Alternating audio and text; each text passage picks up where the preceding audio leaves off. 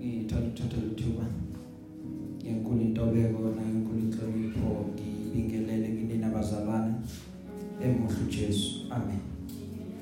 Siyabonga baba uNkulunkulu ngomusa wakhe.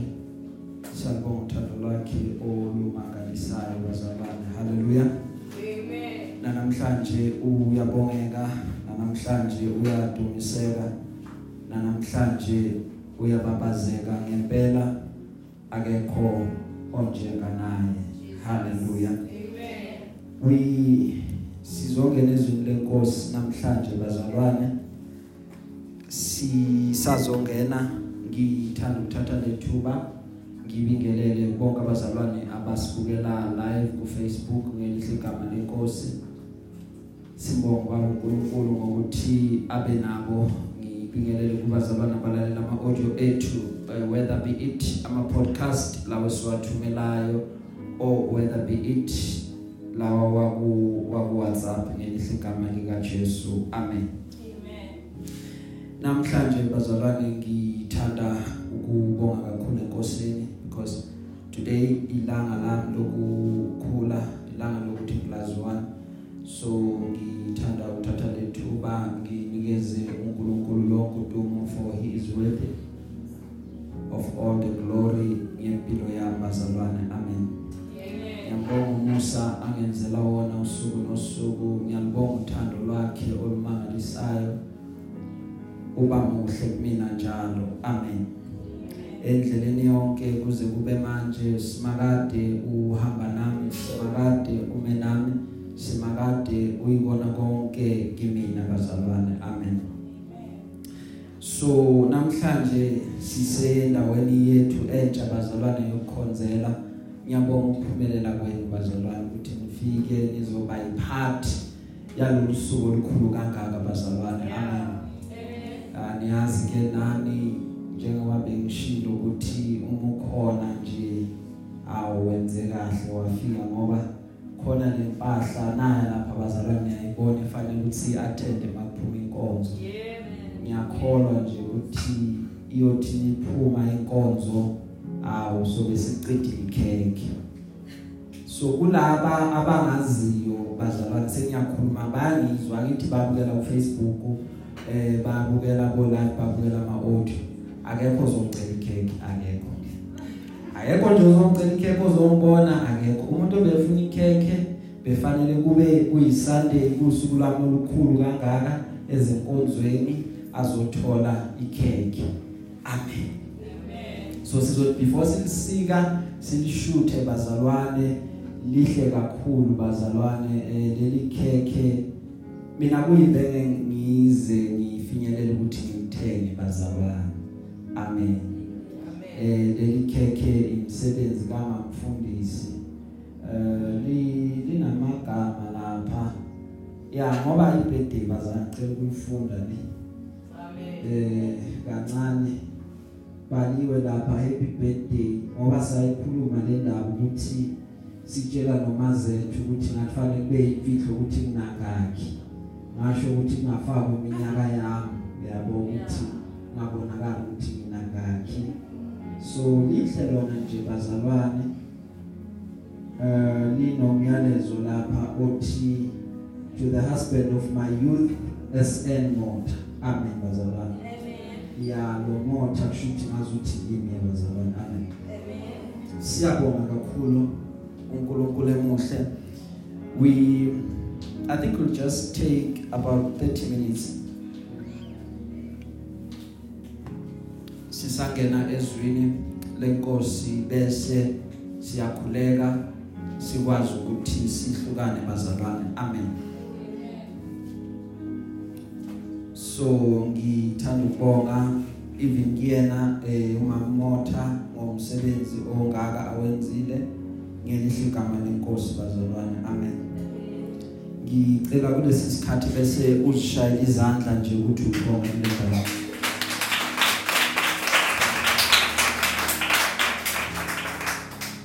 haleluya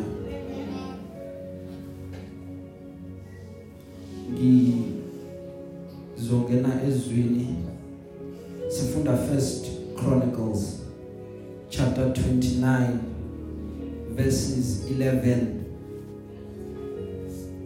and verse 12 glory be to God. Ikronike zoqala first chronicles chapter 29 ama verse ithi mabili amen. So kule kulobuchwepheshe esibenza nesebenza ngabo bazalwane because we have changed indawo eh ngizocela nje ukuthi nisibekezelele mhlawumbe uphele leviki sibone ukuthi this week yonke into ihamba ihambe kanjani. Then we'll make adjustments as needed. Hallelujah. Glory be to god. First chronicles chapter 29 verses 11 and verse 12 the challenge encane kunayo namhlanje ukuthi usuku lwami lokuzalwa njengoba kuyi birthday yami fanele ukuthi ngishumayele bazalwane. Amen. So ekushumayeleni ngebirthday yakho i-challenge ozoba nayo nje ukuthi fanele ubuke nawe ukuthi uma inkosi kusiza uNkulunkulu akwenzele umusa ukhona ukuthi ushumayele and ushumayele kahle. Amen. Hallelujah. So we trust the lord. Sisezomkhonza ngezwi lenkosi bazalwane. Amen. First chronicles chapter 29 verses 11 and verse 12 uma uma silifunda iBhayibheli likhuluma about umntwana. Ngicela ukuthi nibheke in Sunday school bazalwane because kunomsindo nje oba khona ngicela emuhle Jesu amen. Eh uma iBhayibheli ikhuluma about umntwana lithi iBhayibheli uma silifunda umntwana wakhula the child grew.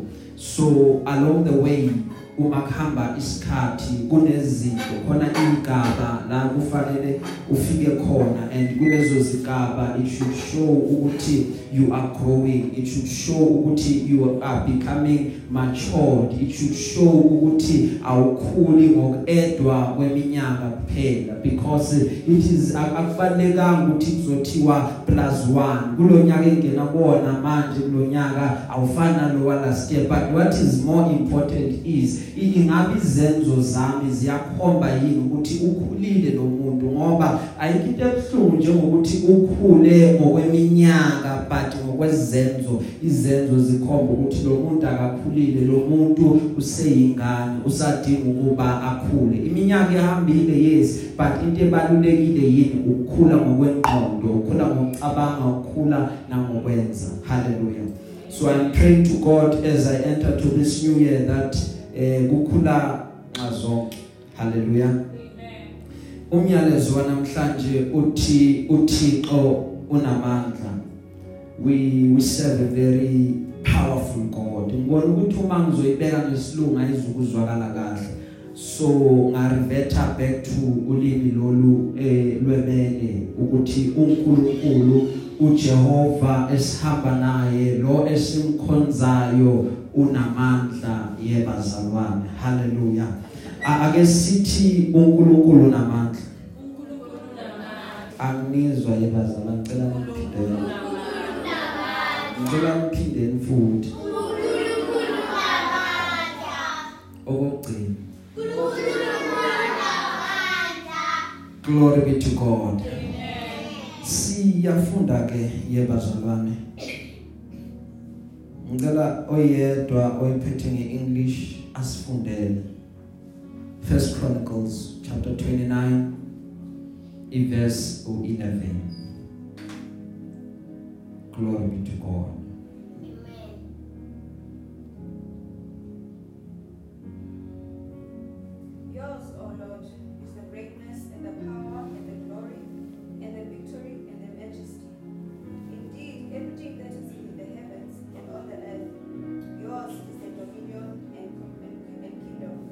O Lord, and you exalt yourself as head over all. 12. Both riches and honor come from you, and you rule all over all. In your hands is power and might, and it is in your hands to make great and to give strength to everyone. Hallelujah. siyabonga bazalwane cela ukuyifunda ngesizulu lithi iBhayibheli ngobakho Jehova ubukhulu nodumo nenkazimulo nobukhosi ngokuba konke okusezulwini nasemhlabeni kungokwakho. Ngowakho umbuso Jehova wena uphakeme uyinhloko phezulu konke incebo nenkazimulo kuvela kuwe wena ubusa phezulu kwakho konke. Esandleni sakho kukhona amandla nezikhwebo esandleni sakho kukhona ukukhulisa nokunika bonke amandla. Glory be to God. Cela sivaleni amehlo ethu ngicele umzalwane oyedwa asikhulekele.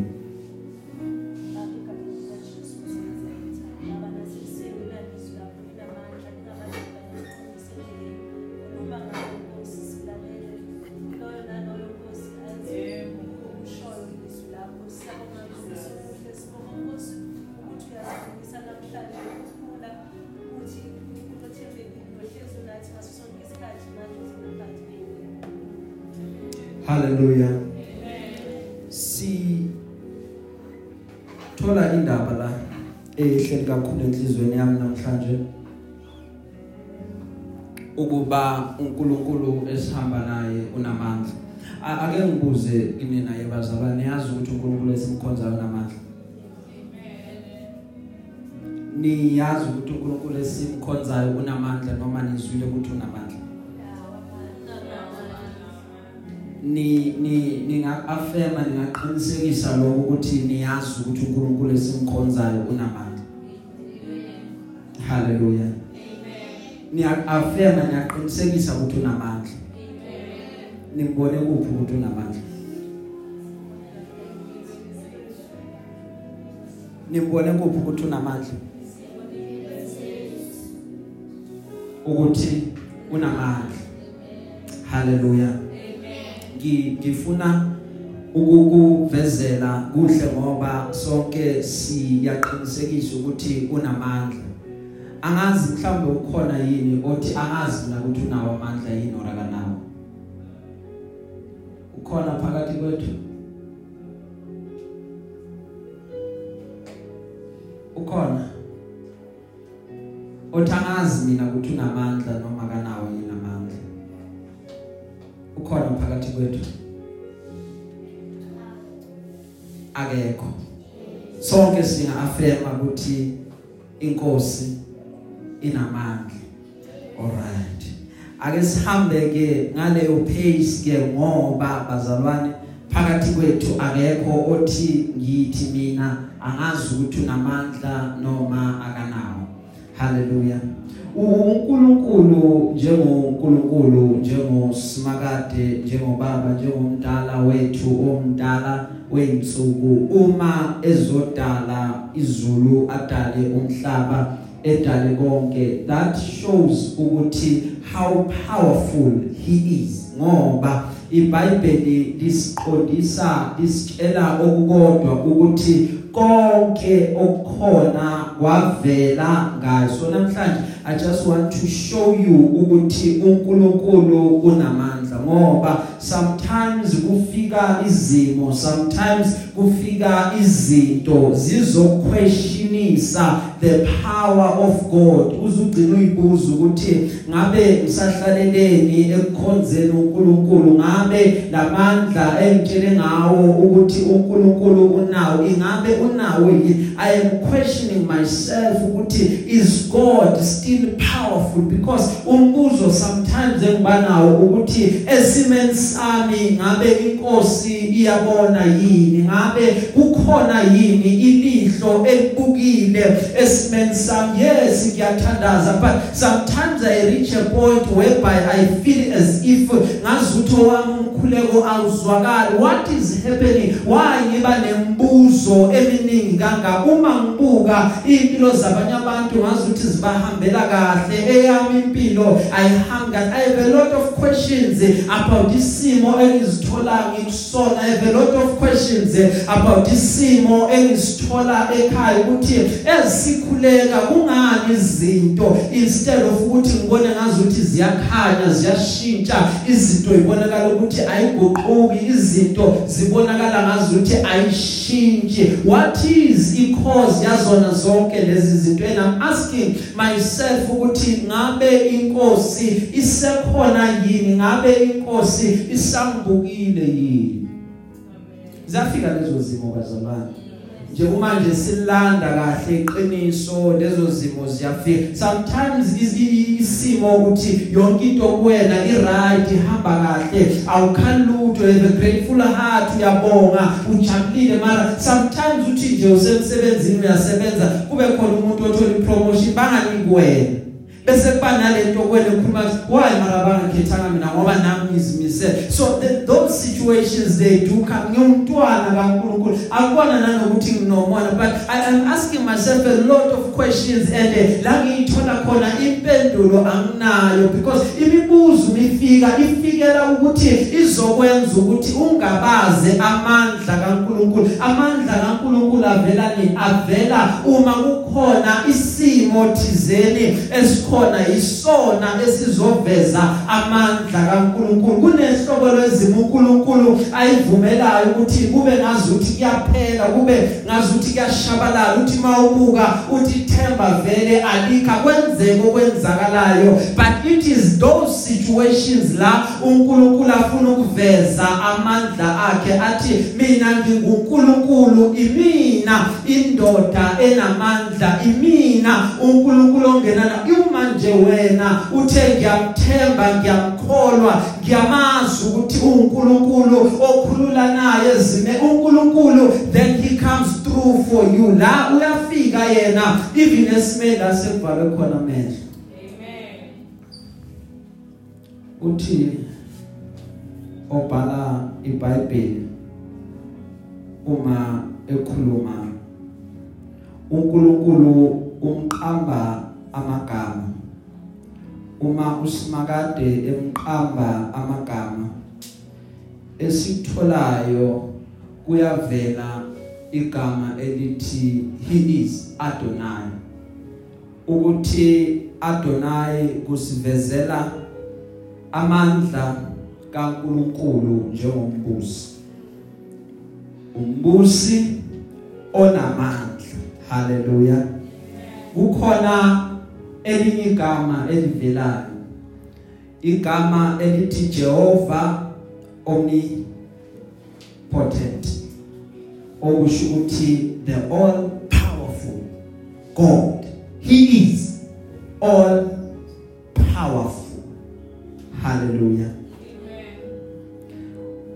ngifuna ukukulandisa izimo zabantu thizeni maqeda bese siyakhuleka. Haleluya uma qala umhlaba umuntu is commissioned ukuthi a believe entweni ethile.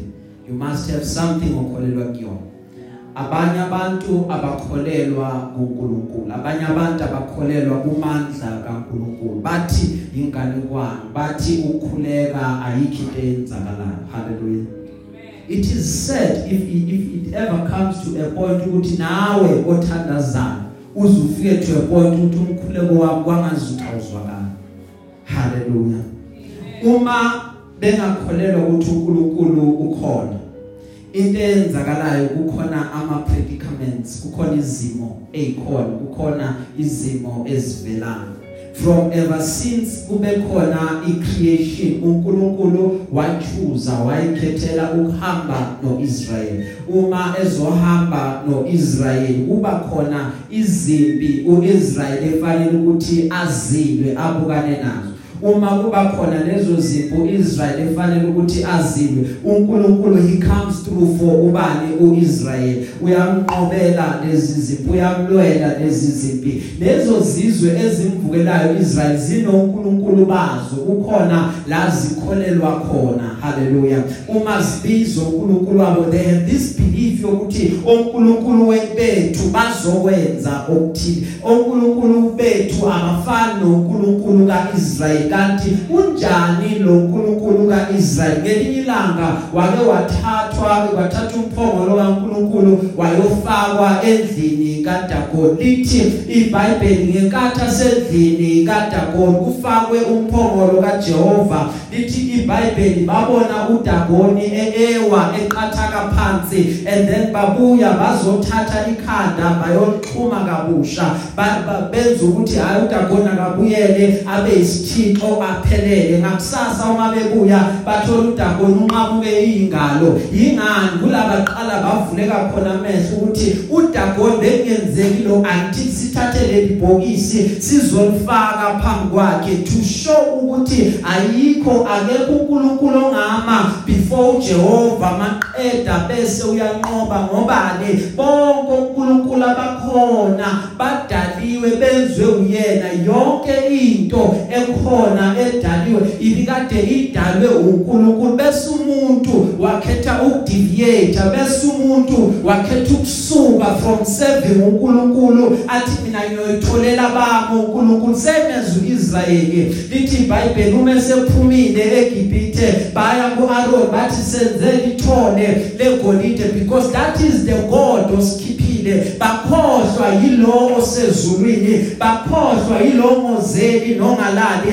Bakhohlwa yilo onamandla bakhohlwa yilo onenkazimulo yonke bakhohlwa yilo othe akabukeki ngoba umuntu akekho ezingeni lokuthi angambuka amaqeda bese uyaphila. Abantu benza ngazuthi uNkulunkulu bayamsaba but they are denying his power. Abafuni ukusondelana namandla akhe. Ngobani? Ngoba kusenezinto abafuna ukuhlala kuzona kusenezinto abafuna ukuyikhonza. Waqala umtshela ukuthi once wamkhonza uNkulunkulu ngokweqiniso nangokwethembeka kunezinto efanele uhlukane nazo. Umuntu uyakwata aphatheke kabi. Why? Because ufuna ukubambelela. Onkulunkulu abaphatheka ngesandla ufuna ukubambelela entweni ezibonakalayo akafuni ukukholwa yuye lo odala umhlaba waphinde wadala amazulu ukuthi yena unguJehova uyakwazi ukuthi akhulule. Umuntu akamanje ukwenza imizamo eminingi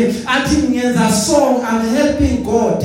uNkulunkulu akadinge sizo lwakho. He is God by himself. uNkulunkulu uyasivumela isimo sibe khona until uNkulunkulu athi it is enough ngizokutakula. Kweyenzeka ungadluli kuleso simo but inkinga yethu ukuthi sifuna abantu. We are looking for a companionship endaweni ezironke. Sifuna abantu esiyobatshela inkinga zethu. Sifuna abantu abazosikhalisa sifuna abantu abazozwelana nathi. Sikhohle ukuthi yena utheni? Because even about umkhuleko ubethe uma kunemetha kune-agent matter ngene ekamereni uyivalele. Ubaba wakho bone kusithekene uzokuriwarda in publicly but you know because ifuna affirmation yabantu siyingako sigcwele ebantwini kangaka. Sithi le ndaba ngikwazi ukuthula nayo. Fanele ngithathe ifoni ngifone ngimtshele. Maqeda hamba ayophuza ngawo amatiya. Athi kantuphi lo nkulunkulu wakhe? Athi ukhonzelani uhlanganyelelane ngoba nawe ubonisa ukuthi umtekenteke kumethini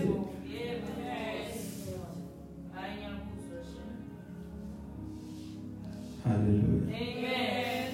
Uma unganikezwa ithuba lokukhuluma ngebandla. Ake ngithi sonke sometimes we need to learn ukuvala umlomo. Amen.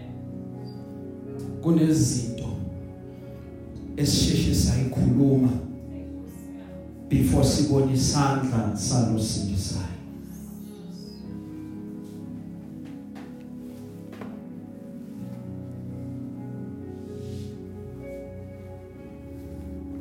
uyazi ukuthi abantu nobatshela kakhulu inkinga zakho bazokulalela bakulalela fika isikhathi la baphelelwa khona. Fika isikhathi la bakhathala khona. Haleluya uzomuzwa sekasho mawunenhlanhla uzamuzwa mawungakabi naye ngumuzwa athi hey naye lo sengikhathele kunini inkinga zakhe azipheli hayi mina tired why? Abantu bayakhathala. Yeah. amen. Amen. and we asifuni ukukwazi ukubona lo asifuni. Because njalo sithi uNkulunkulu ukude. Abantu baseduze.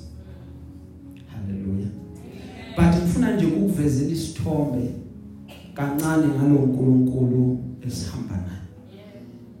Uma uPaul efika sobeshumayele ngelinye ilanga ngale ndawo eAthens ubona ithixo eziningi eziningi eziningi and then ufika khona khona esinye isithixo kubhala ukuthi to an unknown god uNkulunkulu ongaziwa. Uthi uPaul bantu base Athens ngiyanibona ukuthi you are very religious.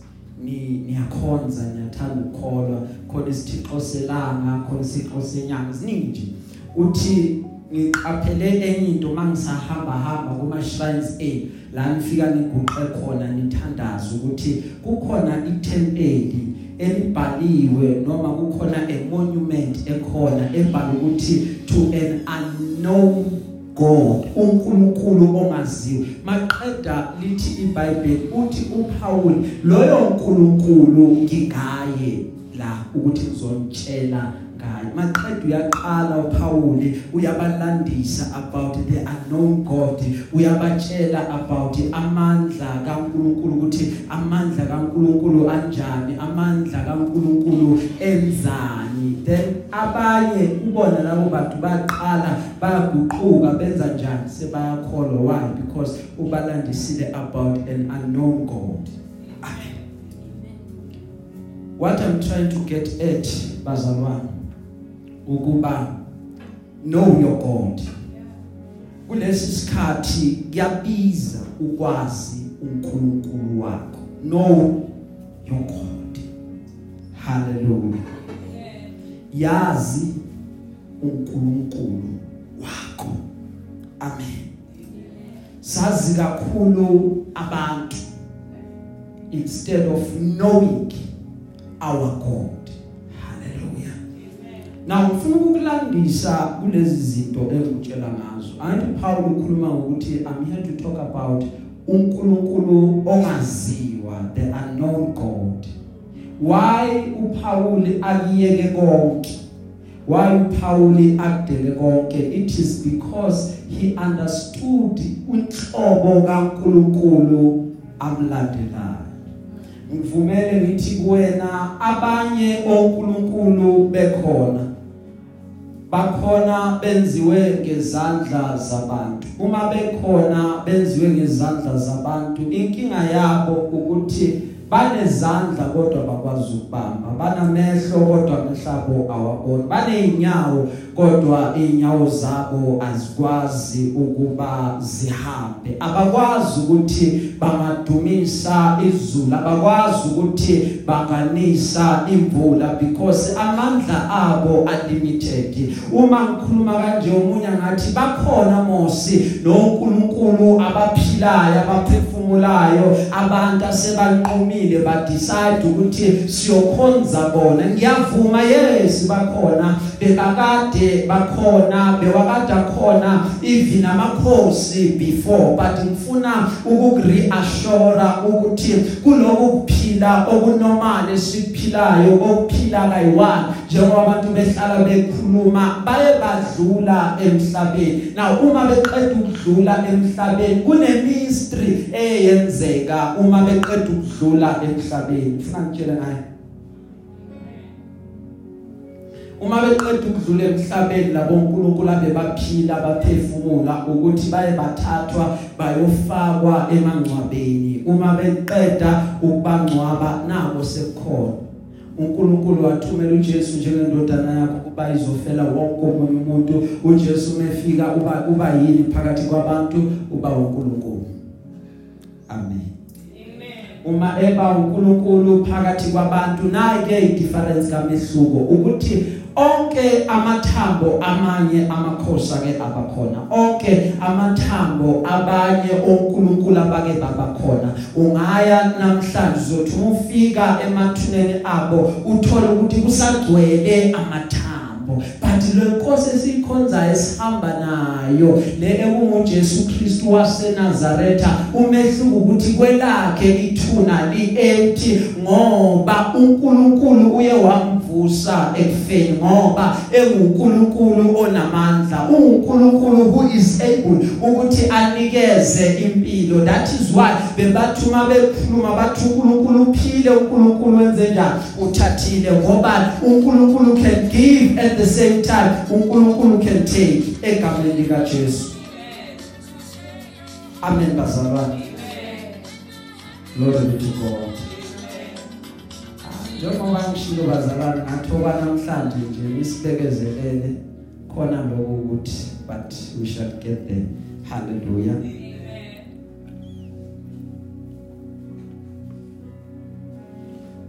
Kulesikhathi enginaso i want to say onke amathuna agcwele amathambo kepha elaka Jesu liempty hallelujah. Ngoba uNkulunkulu wamnika ukuphila. Uyena uJesu wathi mase siphambanweni sisakuphasika babe ezandleni zakho ngiyabeka umphefumulo wami. Uma sekawubekile wabuya uNkulunkulu isho njalo izwi lenkosi ethi wabuya wazokwenza njani? Wazomvusa. Ayikho inkosi enamandla ekwazi ukuthi umuntu uma esedlulile emhlabeni aphinde futhi avuke. Ngaphandle kwakaJehova phela uyena njengenkosi uyena njengoNkulunkulu onamandla wokwazi ukuthi noma umuntu esedlulile emhlabeni aphinde enze indlela ukuthi umuntu bese wenza njani phinde uyavuka. Haleluya glory be to god. Inkosi esikhonzayo yebazalwane inamandla. Lithi iBhayibheli lasifunda khona ngobakho Jehova ukukhulu namandla nodumo nenkazimulo nobukhosi konke kungokwakho. Ngokuba konke okusezulwini nokusemhlabeni kungokwakho. Ngowakho ubuso Jehova wena uphakeme inhlobo phezulu kwakho konke. Incebo nenkazimulo kuvela kuwe? Wena ubusa phezulu kwakho konke. Esandleni sakho khona amandla nezikhwebo esandleni sakho khona ukukhulisa nokunika bonke amandla. Haleluya ngifuna ube ne total dependence kuNkulunkulu. Ngifuna sengigcina uthembele kuNkulunkulu ngokuphelele. Ngoba unguNkulunkulu onamandla unguNkulunkulu ohlula abobhali unguNkulunkulu ohlula abodagoni unguNkulunkulu ohlula aboNebukadnezar i don't care ukuthi yipi inkosi ekhona. unguNkulunkulu ohlula abosiza. I don't care ukuthi ubani ongaphakanyiswa anyuswe kuthiwe unamandla agcokiswe ingubo yobukhosi. Ngifuna udepende wena kuJehova onamandla onke uJehova okwazi ukuthi akumbathise amandla. Maqeda bese wena uhamba ngalawo mandla aqhamuka from uJehova because la udlula khona la uzodlula khona ohambeni lwakho kunezimo ezodinga ukuba uproject noma ubonise amandla kaNkuluNkulu. Kunama environments azodinga ukuthi umufika ungena kuona ubonise amandla kaNkuluNkulu. iBhayibheli uma likhuluma nathi lithe iBhayibheli thina singusawoti womhlaba. Usawoti ufika wenzeni? Ufika uadd iflavor ekudleni ukuthi ukudla noma kungadleki ukudla noma kubitha once i get there then ngizofika ngitheni isimo around it? Kunezimo uNkulunkulu azoplace kuzona eziyodinga ukuthi wena ufike wenze turnaround uzokwenza kuphela lokho uma understand the power that is invested in you. Uyahlupha umzalwane ongawazi amandla abekwe kuyena. Uyahlupha umzalwane ongaqondi ukuthi amazulu kahle kahle akuthembe ngane. Uyahlupha loyo muntu onokuyidoubt second guess even amandla kaNkuluNkulu ngoba ngithe kuwena uma ngiqala ngathi izimo ziyafika ezenza ukuba you question God you question amandla akhe you question ipresence yakhe. But ingifuna ukuthi uqonde namhlanje ukuthi njengomntwana kaNkuluNkulu uNkulunkulu unamandla onke uNkulunkulu unenkazimulo yonke uNkulunkulu angenza konke ngaphandle kokuba hluleke athi uJobe uma ekhuluma ngokuba ngiyazi ungenza konke athi alinakuvinjwa muntu icebo lakho. Once icebo is there once icebo is commissioned uNkulunkulu will make sure ukuba lelo cebo liyaphumelela. uNkulunkulu will make sure ukuba lelo cebo it comes to pass so i want you to know i want you to understand ukuthi amandla akhona kuNkulunkulu esimkhonzayo. Lithe iBhayibheli umbethe amandla njengani? Njengengubo. Ngoba uNkulunkulu ungamandla ethu. Sometimes ekuhambeni kwethu amandla ayafika la anqamuka khona. Sometimes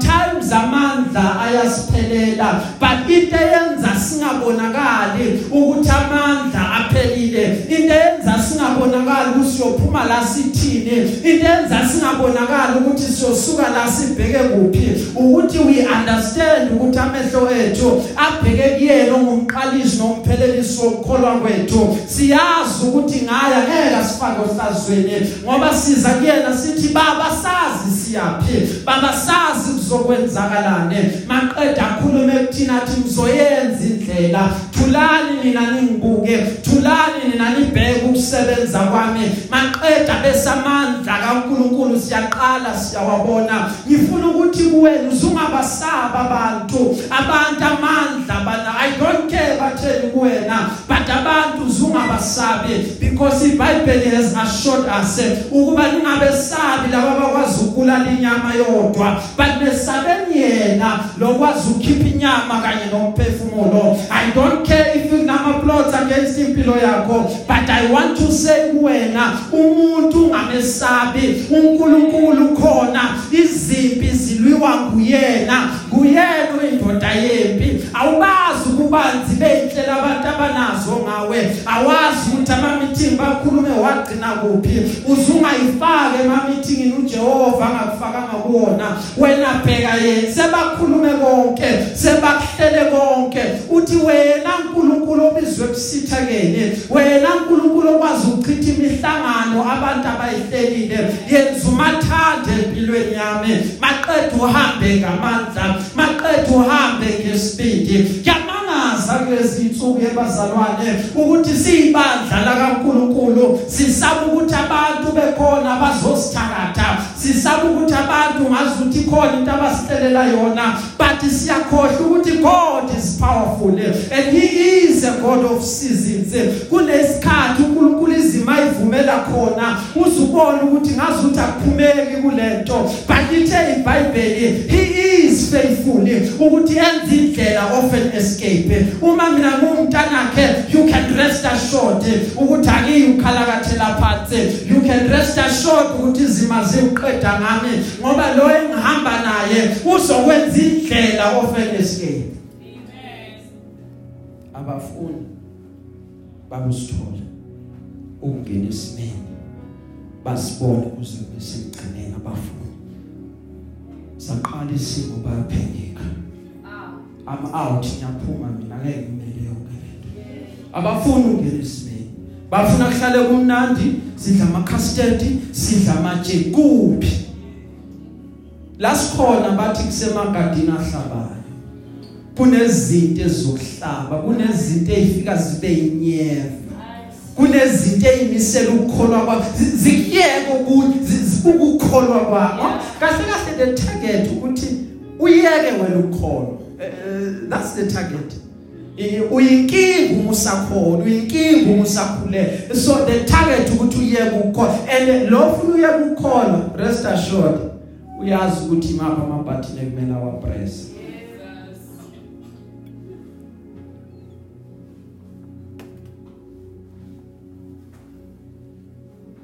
uma Nginivulele nakubazalwane bese ngiyagcina. Uma uma ngizolingwa mina mina ne ayangilingwe ngento ubaba Dlamini alingwa ngayo. Ngeke. Why? Mina nobaba Dlamini asifani. Into esizithandayo asifani. Amen. So isilinge siya kubaba Dlamini sazi kahle. Ukuthi yabona mangimthole la ngimbambe ngamawashi. Isilinge siza kimi sazi kahle mangimbambe la ngimbambe ngamawashi. Amen. So it counts ukuthi wena wenzani once afika isimo. Ngifuna ukuthi kuwena iwisdom yo yohambo ejeni sifundise futhi. Ungasheshi ujahela ukukhuluma mawuza ukuthi ibhodo lakho liyabila estofini yabila nje yadlabaza nje ukuthi yayabona ngamgiva ungasheshi ukukhuluma akuthule kancane. Uma ngizokunikeza itip uma uzwa ngathi lo makho yashisa thola iphepha ubhale phansi.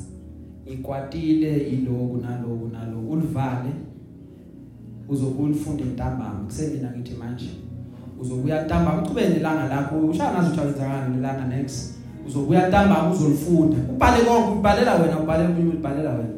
Uma unganaphepha ifoni inama notes ungayi ku WhatsApp ngabhalela umuntu ku WhatsApp uye kuma note uyibhalele wena inote. Ngikwatile nangu nangu umuntu wenza 1 2 3 4 ngizobuye ngifunde ntambama. Wenze the usual. Ntambama you come back you read it. Then check the level ye enga yakho ukuthi usakwate njengasekuseni yini maqedwe kwenzeka lento.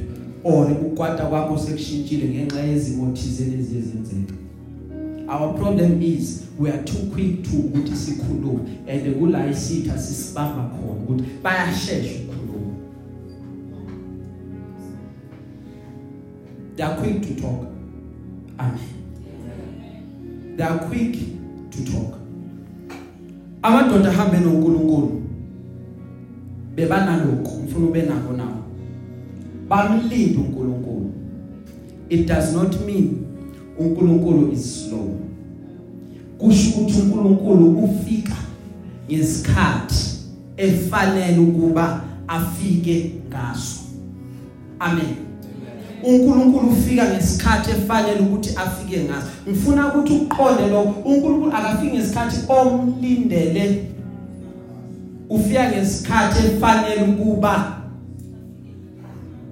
afike ngaso. Who dictates isikhathi ubani odictator? Inkosi yofika nini? It is him who dictates isikhathi hallelujah. Waphinde ekuthanda wakunikeza leyo authority. Wakwazi ukuthi uyisebenzise. Waqeda wahluleka wena ukuba ube patient to see iprocess iphelele. Wathi mina ngeke ngibone le process iphelele uma ngakwazi ukuphela ngiyafika ekhaya. Yabo mina angazi ne understand mina mina bazalwane sengiyakwazi ukupheka ke umama wangisiza ukuthi why makuzothiwa kufaka ukudla lapha ku oven fanele oven iqala ifudunyezwe? Angazi. Ngatshelwa nje ukuthi iyafudunyezwa. Angazi ifudunyezelwana amen bazalwane. So uma ngakwazi ukupheka thi ngithi angikwazi ukupheka? Kubhakwa mhlamba amakheke lapha lo obhaka uyazi ukuthi njengoba ngiwafaka ayinhlanga avuthwa nini? Process. Uma ebala ama minute mhlawumbe uzothi 20 minutes asi right that is process that's time.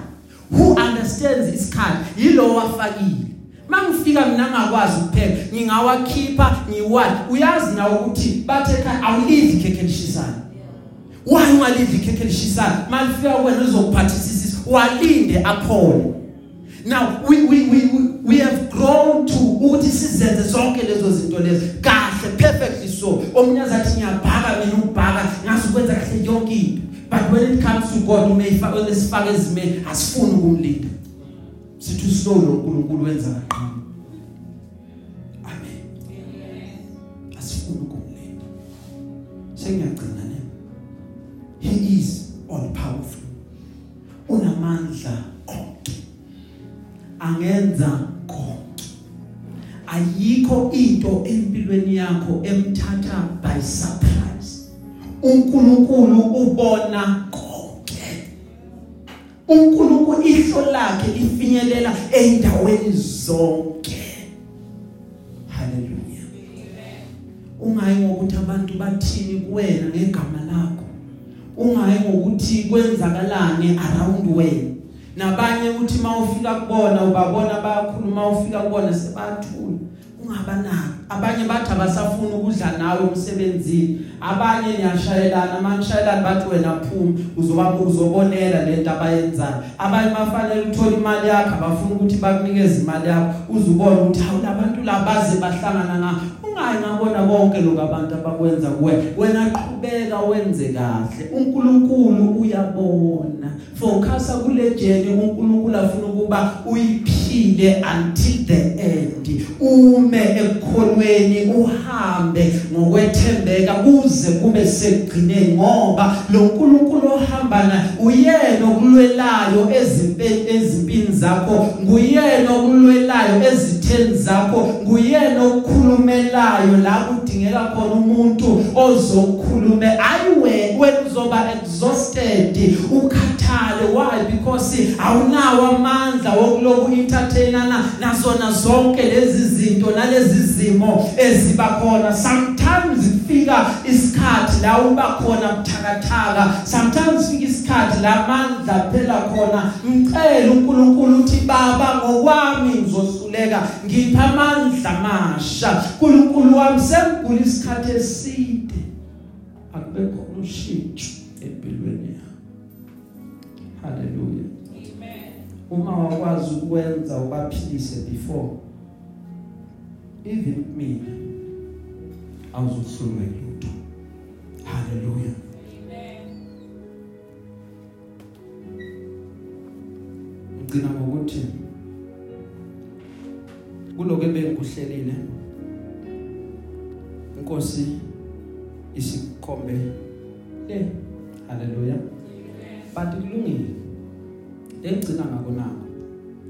Ngifuna ukuthi sila. It's a reaffirmation. Ngiyayiphinda lento mthembe uNkulunkulu ngesimo esisodwa empilweni yakho. Ongeke usithathe usibikele umuntu. Haleluya Amen. mthembe ngesimo esisodwa empilweni yakho. Ongeke usithathe uyosibikela umuntu. Amen. Here's what i did. Nake ngakwenza. Ngeke nganitshela bazalwane le ndaba yami yahlekisa kancane. Ningahleki kakhulu banihleke kancane. Ngeke ngeke ngaba nenkinga yokuphathwa amadolo. Amen bazalwane. Inkinga yami yamadolo yangihlupha ngoba ngazi ukuthi amadolo isifo sabomkhulu. Amen. Ngaye chemist mangifika ngamtshela lo mama womlungu ukuthi hey nginenkinga amadolo amabhlungu wathi kimi lo mama kuyamangaza ngoba umncane ukuthi amadolo ahlupha kanjani. Haleluya. Ngayithatha leyo ndaba ngayoyibikela inkosi. Baba ngifuna ukuphathwa amadolo uNkulunkulu wenzani? Wangifaka emsebenzini wakhe. Ngaba umfundisi ngashumayela fane ngishumayele every sunday fane ngime. Mina ngiyama u2 hours. Ah is nothing bazalwane ngiyawuma u2 hours ngimile. But ngizokutshela ukuthi ever since uNkulunkulu wathi kumina ungifundisi amadolo wahamba ngalelo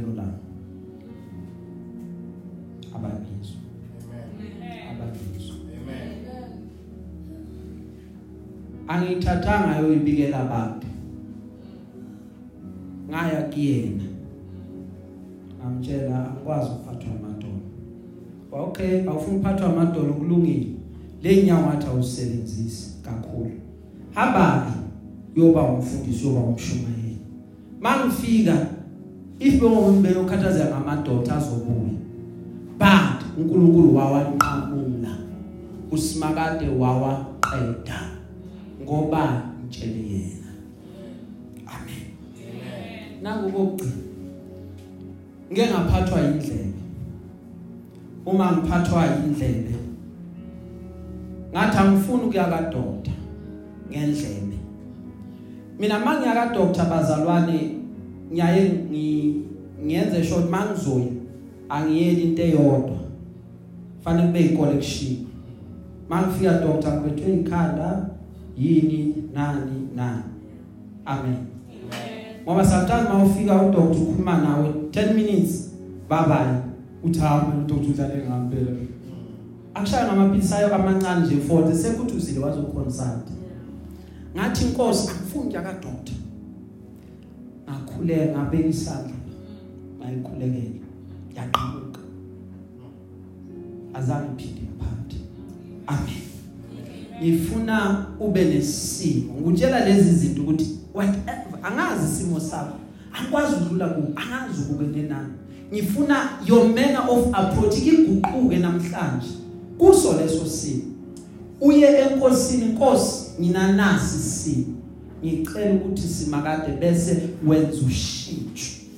Makumele siphele? Asiphele. Mina ngikwazi ukuthi ngiqhubeke. Ngoba ngifuna ukubona amandla akho. Ngoba lo nkulunkulu esihamba naye kuye ishosha ziyaphakama imungulu ziyakhuluma impumputhe ziyabona. Abafile bayavuka abadla upoison abafi ngoba unamandla.